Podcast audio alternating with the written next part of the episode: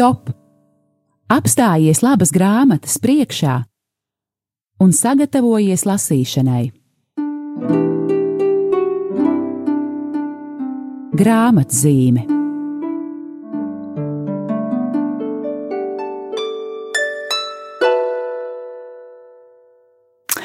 Lai ir slavēts Jēzus Kristus!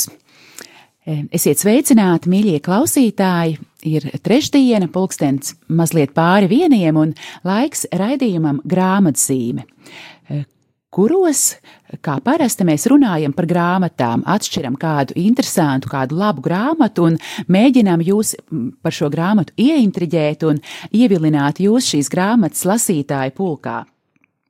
Um, Šī ir brīnišķīga nedēļa. Mēs esam nosvinējuši mūsu valsts svētkus, un jau mēneša beigās mēs ieiesim kādā citā skaistā laikā, adventu laikā. Un adventu laiku mēs eh, mēdzam saukt par mīlestības skolas laiku, kad uh, dievmāte, kura jau ir ar bērnu Jēzu kopā, mums māca arī ieiet šajās mīlestības attiecībās. Un šodien, gan saistībā ar šo adventu tuvumu, gan arī saistībā ar to, ka mīlestība mums ir vienmēr jāmācās, eh, mēs aicināsim jūs eh, iepazīties ar grāmatu mīlestības skolā. Un eh, studijā esmu Esāja Balode no izdevniecības Kala raksti, un mana sarunas biedra šodien ir Astra Feldmane, šīs grāmatas eh, tulkotāja un arī šīs grāmatas pirmā izdevuma izdevēja. Sveika, Astra! Sveika! Viņa. Lielas paldies, tev, Astriņ, ka tev atrada laiku šādā darbdienas dienas vidū atnākt uz studiju un par šo grāmatu aprunāties.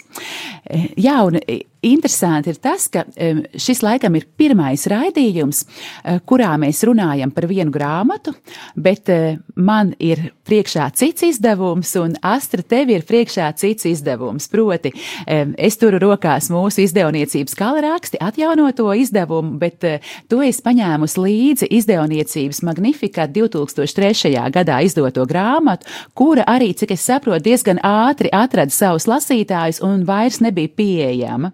Jā, tā ir. Varbūt Šī... pastāst par šo pirmo izdevumu, un tad arī tiksim līdz otrajam. Šī grāmatiņa mīlestības skolā latviski e, tapa, nu, kā lai saka, arī tā, ka tas tika lūgts darīt. Gadījās tā, ka 2002. gadā es pati pirmo reizi piedzīvoju to, kas ir Meģigori, devos sveceļojumā uz Meģigori, un kopā ar brīnišķīgu grupu, ar autobusu, ar visām pavadošajām grūtībām, kas tā, kādas tajā laikā bija. Un pēc atgriešanās, un tieši, atklāt sakot, jau, jau tad, kad es biju Meģigorjē, es iepazinos ar Terēzi, kuru mēs arī ļoti daudz pazīstam. Un varbūt es eh, pateikšu tiem klausītājiem, kas nezina, ka eh, Terēze ir eh, brīnišķīga sieviete, kura koordinē krieviski runājošās svēceļnieku grupas, kuras ierodas Meģigorijai. Jā, lūk, tātad grupas no Austrum Eiropas, Austrum Eiropas, un uh, Terēze man aicināja, vai tu negribi tulkot tēvs Lavko grāmatas. Tēvs Lavko ir ļoti, ļoti būtiska persona, kur dzīve visa ir saistīta ar Meģigoriju. Jo viņu kā prāvestu atsūtīja uz Meģigori laikā, kad tur sākās diamāts parādīšanās. Viņam bija atbilstoša izglītība, viņam bija ne tikai, viņš bija ne tikai mūks, ne tikai priesteris, viņam ne tikai bija grāts teoloģijā, doktora grāts reliģijas pedagoģijā, bet arī psihi, psihoterapeita diploms. Nu, lūk, un doma bija tāda, ka viņš jau nu gan šeit varētu konstatēt, ka kaut kas nav kārtībā ar, šos, ar šo saucamo vizionāru psihi. Nu, lūk, un tēvs Slavko ļoti uzmanīgi, ļoti mierīgi sāka dzīvot un kalpot Mečgoriem, un viņš vienkārši kā lai es tā kā teikt, ieticēja, viņš ieticēja, ieticēja tam, ka tas, ko vizionārs saka, ka šeit regulāri parādās diamāte, dien dienā parādās, ir patiesība. Un viņš ne tikai ieticēja, bet nākamais solis - viņš ņēma nopietni to, ko viņa sacīja, un viss, ko mēs šobrīd redzam Meģigoļie, kad tur aizbraucam, patiesībā ir viņa izveidots saskaņā ar to, kā to Marija vēlējās. Ja tēvs slākos savu dienu sāka tā, viņš cēlās ļoti agri, 4-5 no rīta, un pirmais viņa gājiens bija rožu kronas parādīšanās kalna, un pēc tam viņš sāka visu dienas gaitas. Lūk, un viens no viņa darbiem bija arī grāmatu rakstīšana. Viņa grāmatas ir ļoti vienkāršas, un tās var saprast tik viens cilvēks, ik viens lasītājs. Grāmata mīlestības skolā bija pirmā tēvs lauko grāmata, kuras iztulkoju, un iztulkoju tāpēc, ka man iedrošināja mani bijušie ceļabiedri uz meža gorju. Viņi man burtiski lūdza to darīt un sacīja, ka es to varu, jo citādi es diez vai uzdrīkstētos. Un tā nu grāmata iznāca, pirmais izdevums bija 2003. gadā, un šogad nu, viņa sen, sen jau tika izpirkta, un uh, cilvēki lūdzu, jau paudzes ir mainījušās, un ir jauni lasītāji radušies, un viņi grib atkal to lasīt. Un tā, nu, kali raksti, kā lai saka, riskēja un izdeva atkārtot izdevumu šai grāmatai, un, manuprāt, mūsuprāt, cilvēki, cilvēki to labprāt iegādājas un lasa. Nu, lūk, kas, ar ko tad šī grāmatiņa atšķiras no citām tēvs Lauko grāmatām? Pirmkārt jau virsraksts mīlestības skolā. Tas nozīmē, ka Šī grāmata ir tīpaši veltīta mīlestībai.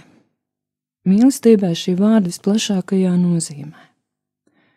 Kāpēc mīlestības skolā? Tevs laukos saka, Meģigorjē mēs visi esam mīlestības skolā kopā ar māti, kas mūs ir pieņēmusi par saviem bērniem un kura māca mūs mīlēt. Un mīlestība sākas vispirms ar mīlestību prašam pret sevi ar sevis pieņemšanu. Un, atklāti sakot, pirmo reizi šo grāmatu lasot, respektīvi tulkošanas procesā, es sapratu, ka tā ir uzrakstīta man. Tā ir uzrakstīta tik vienam cilvēkam, un tā vienkārši strādā. Mazliet kā tāds psihologs, kā psihoterapeits, un tu esi acis pret aci ar šīm lietām, ar šīm patiesībām, tātad ar sevi, un tevī vienkārši pavisam nemanāmi notiek tāda kā dziedināšana. Tu daudz ko piedzīvo, daudz ko saproti, šeit ir daudz kas formulēts, ko mēs varbūt katrs pats apzināmies. Un galvenais tiek dota gaisma lieta tālāk. Jā, e, interesanti, ka tu saki par šo e, tādu tiešām dziedināšanas procesu. Es zinu, tad, kad mēs tikko izdevām šo grāmatu un e, mazliet tur arī sociālajos tīklos un citādi to reklamējām, tad, tad tā arī tika sacīts, ka šī grāmata ir kā mīlestības terapija. Un tā tas patiešām ir, un arī kā tu sacīji pareizi, Āstri, ka tiešām tā ir tik ļoti vienkārši uzrakstīta, patiešām ikvienam, katram cilvēkam eh, saprotama, pieejama. Eh, pēc maz brīža arī at, atvērsim šo grāmatu, mazliet palasīsim, lai jūs ik viens, eh, mīļie klausītāji, to varētu dzirdēt un par to pārliecināties. Bet varbūt, lai jau ieiet šajā tēva Slavko Eh, tajā kārtībā, ko viņš ir palīdzējis ar savu uzticību dievmātei eh, iedibināt, proti, tajā kārtībā, mīlestības kārtībā, man gribas teikt, kas valda Medžugorijai, varbūt ieklausīsimies kādā skaistā dziedājumā no turienes, un tad palasīsim grāmatu mīlestības skolā.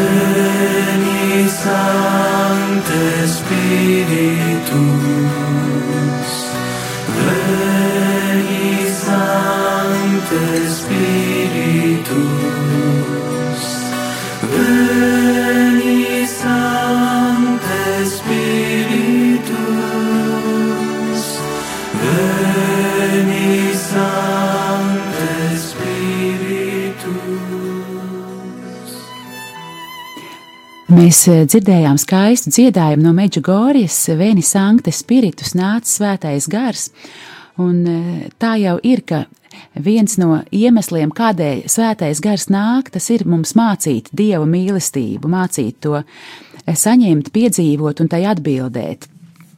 Un, jā, pirms šī dziedājuma solījām, ka atvērsim grāmatu mīlestības skolā un ļausim arī jums, mīļie klausītāji, ieklausīties, ko saka Dilmāta Meģigorijai un ko par to saka tēvs Slavko Barbaričs. Jo tāda ir šīs grāmatiņas uzbūve. Ir tātad kāds Dilmātas vēstījums, kas ir Meģigorijai saņēmts, un tad tēvs Slavko par to, to apcer saviem vārdiem. Un 62. lapas pusē mēs lasām: Mīļie bērni, tie ir divmāts vārdi. Šodien es vēlos jums sniegt savu mīlestību. Jūs nezināt, mīļie bērni, cik liela ir mana mīlestība, un jūs neprotat to pieņemt. Es vēlos jums to apliecināt dažādos veidos, bet jūs, mīļie bērni, to nesaskatāt. Mīļie bērni, pieņemiet mani savā dzīvē, un tad jūs spēsiet pieņemt manis teikto un to, uz ko es jūs aicinu. Un kā vienmēr, arī šoreiz Dievmāte atbild pazemīgi: Paldies, ka atbildējāt uz manu aicinājumu. Un lūko raksta tēvs Slavko. Viskaistākā dāvana, ko varam sniegt cits citam, ir mīlestība. Mīlestība ir lielākā dāvana. Viss, ko sniedzam citiem, un citi sniedz mums, zaudē vērtību mūsu acīs, ja tas ir darīts bez mīlestības. Kad saņemam cilvēcisko mīlestību, mūsu sirds atdzīvojas un uzplaukst. Tad, cik lielu prieku vajadzētu izjust cilvēku sirdī, dzirdot priecīgo vēsti, ka Dievs mums dāvā savu mīlestību. Tas ir Mariju. Arī viņa mums vēlas sniegt savu mīlestību. Marijas mīlestība ir atjautīga, tā atrod veidu, kā atvērt acis tiem, kurus viņa mīl, lai tie šo mīlestību spētu saskatīt un pieņemt. Pirmā atbilde uz mīlestību ir to pieņemt, nevis atraidīt. Tikai tad mēs spējam uz to atbildēt un to atklāt. Un tomēr šajā vēstījumā Dievmāte, mūsu māte, kas mīl, atklāja, ka ir apbēdināta, jo mēs, cilvēki, viņas bērni, nepazīstam viņas mīlestību. Mūsu sirds ir noslēgta, acis aklas, ausis kurlas. Kas šodien notiek ar cilvēkiem? Tik daudzi vairs nepazīst mīlestību, nespēja to pieņemt. Tā ir garīga nāve. Cik dziļas gan ir dievmātes skumjas redzot savus bērnus tādā stāvoklī. Viņas sāpes ir tikpat lielas kā mīlestība. Cik sāpīgi mātei ir tas, ka, ba, ka viņas bērni to neatzīst vai noslēdz tai savu sirdi. un tā nu mūsdienu cilvēks atrodas dīvainā stāvoklī. Jo tālāk viņš ir no mīlestības, jo vairāk pēc tās ilgojas. Nepiepildītās ilgas rada vilšanos, noslēdz sirdi, un cilvēks kļūst aizvien nelaimīgāks. Šādā nāvējošā lokā nomaldās daudzi, bet mīlošais Dievs neaizmirst pasauli un dāvā sevi ar Marijas starpniecību. Esmu pārliecināts, ka mums nav atlicis nekas cits kā lūkšana. Lūksim, lai mēs spētu atzīt un pieņemt savā sirdī Dieva un Marijas mīlestību.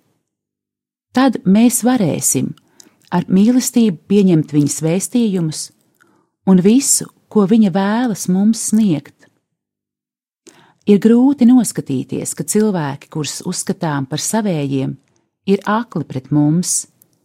Kad tie, kurus mīlam, ir kā akli pret mums, mēs tiekam ievainoti visvairāk, bet, kad viņi atvērs mūsu mīlestībai, mēs esam priekā. Viņš gaisma bija pasaulē, un pasaule cer viņu radās, bet pasaule viņu nepazina. Viņš nāca pie savējiem, bet tie viņu neuzņēma. Tomēr tiem, kuri viņu uzņēma un ticēja viņa vārdā, viņš ļāva kļūt par dieva bērniem. Ar šādu citātu no Jāņa evaņģēlija šī mazā nodaļa par mīlestību noslēdzas.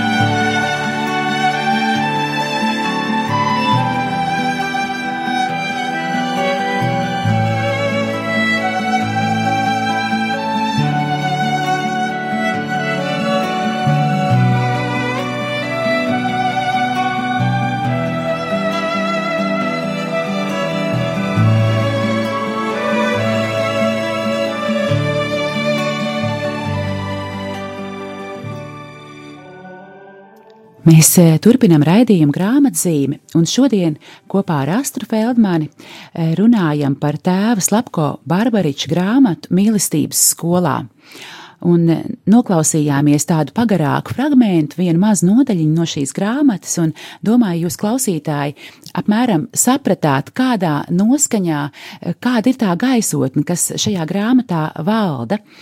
Un eh, raidījuma sākumā es ieminējos par to, ka jau pavisam drīz mēs ieiesim skaistajā adventa laikā, eh, kas vienlaikus mums pasaulē dzīvojušiem cilvēkiem arī ir tāds eh, izaicinājums pilns laiks, jo tā visa vide, kas ir apkārt, mūs mudina uz kaut ko pavisam citu, uz, uz skriešanu, steigu, iepirkšanos, mantām un, un tā tālāk.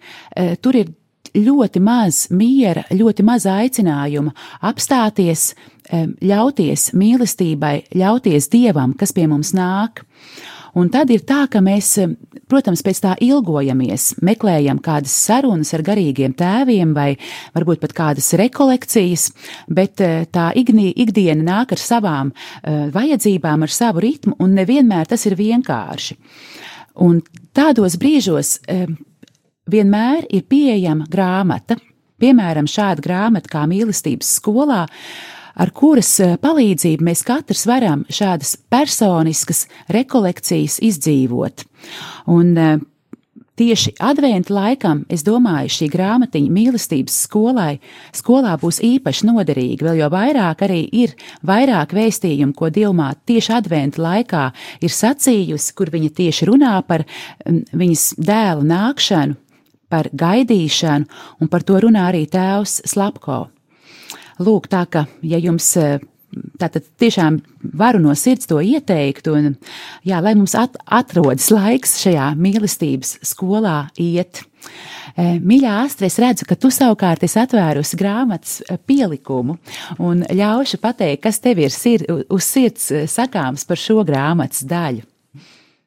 Nu jā, es gribēju vienkārši uzsvērt to, ka šo grāmatiņu tēvs Sloko rakstīja laikā, kad Bosnijā plosījās karš, Balkānos plosījās karš, tātad 92.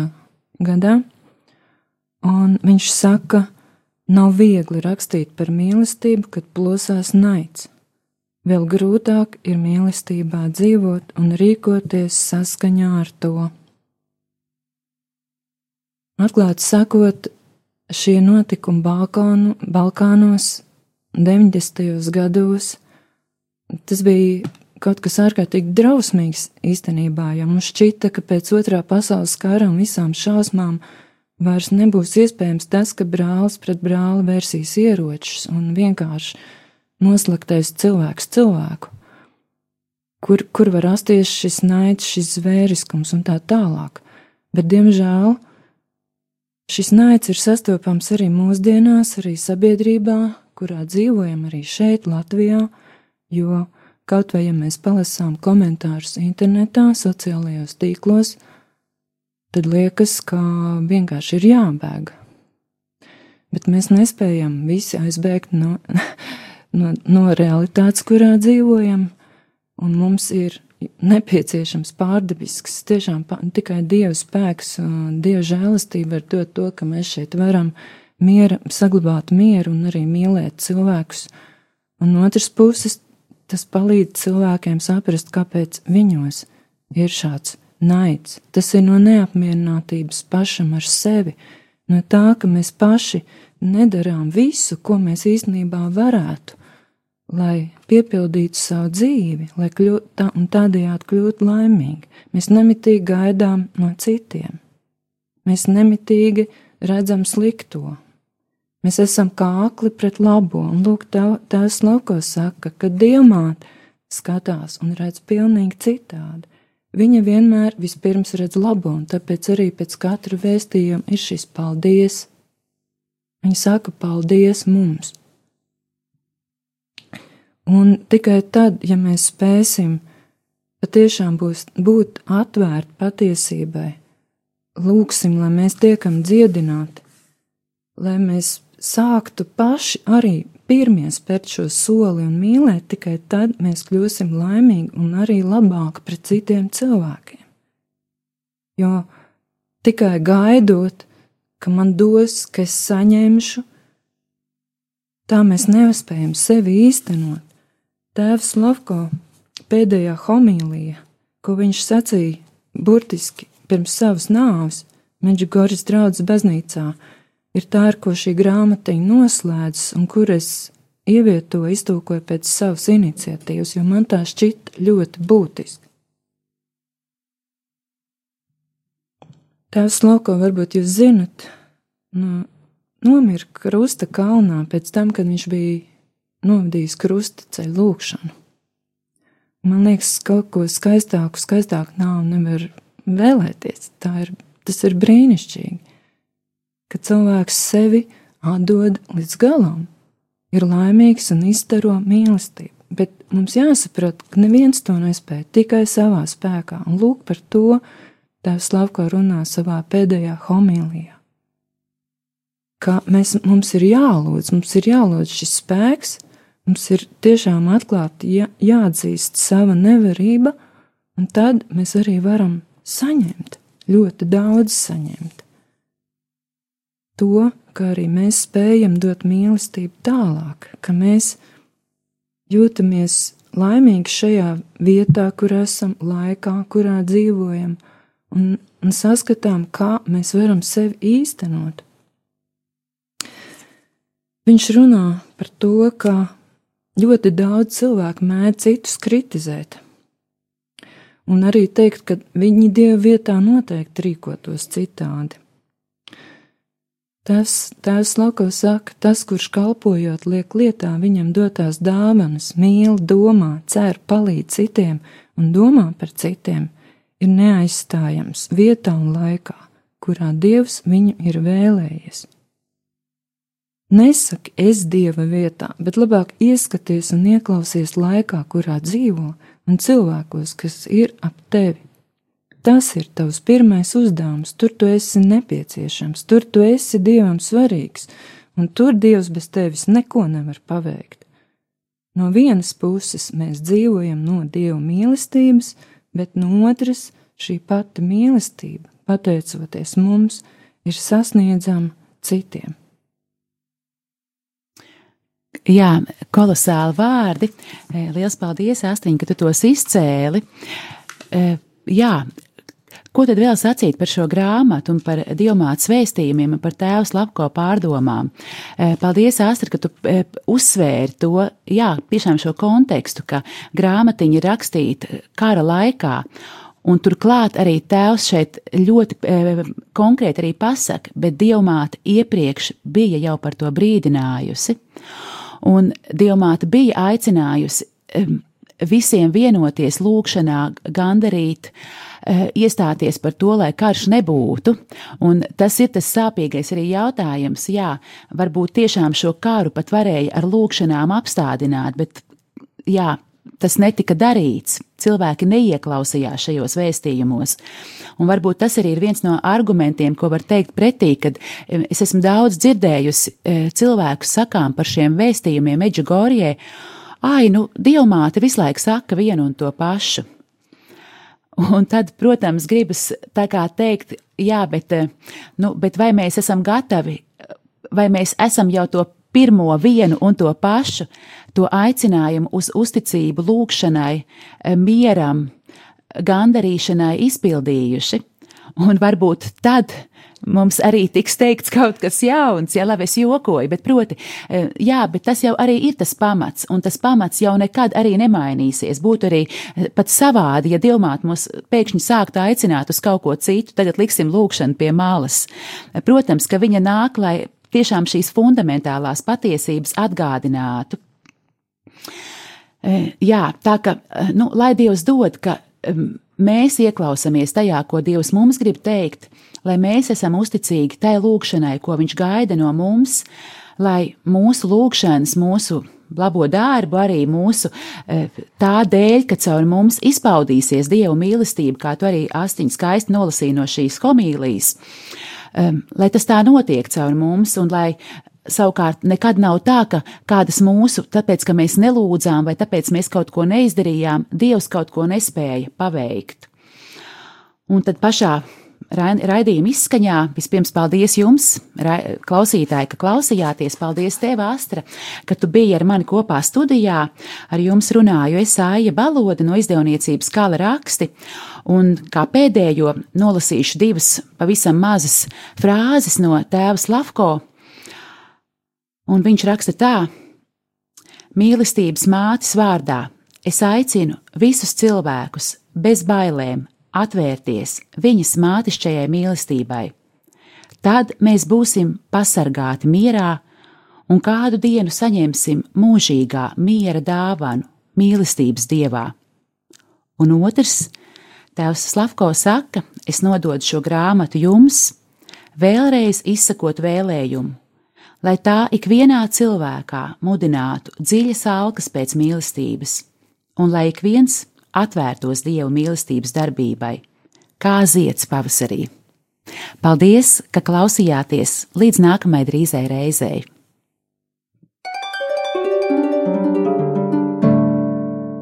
Stop! Apstājies labas grāmatas priekšā un sagatavojies lasīšanai. Grāmatzīme